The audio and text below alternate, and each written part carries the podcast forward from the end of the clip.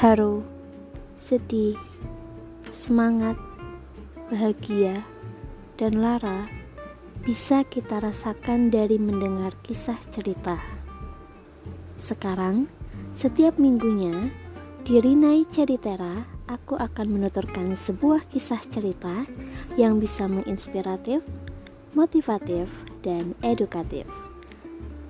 Manakah ceritera yang menyentuh lubuk hatimu?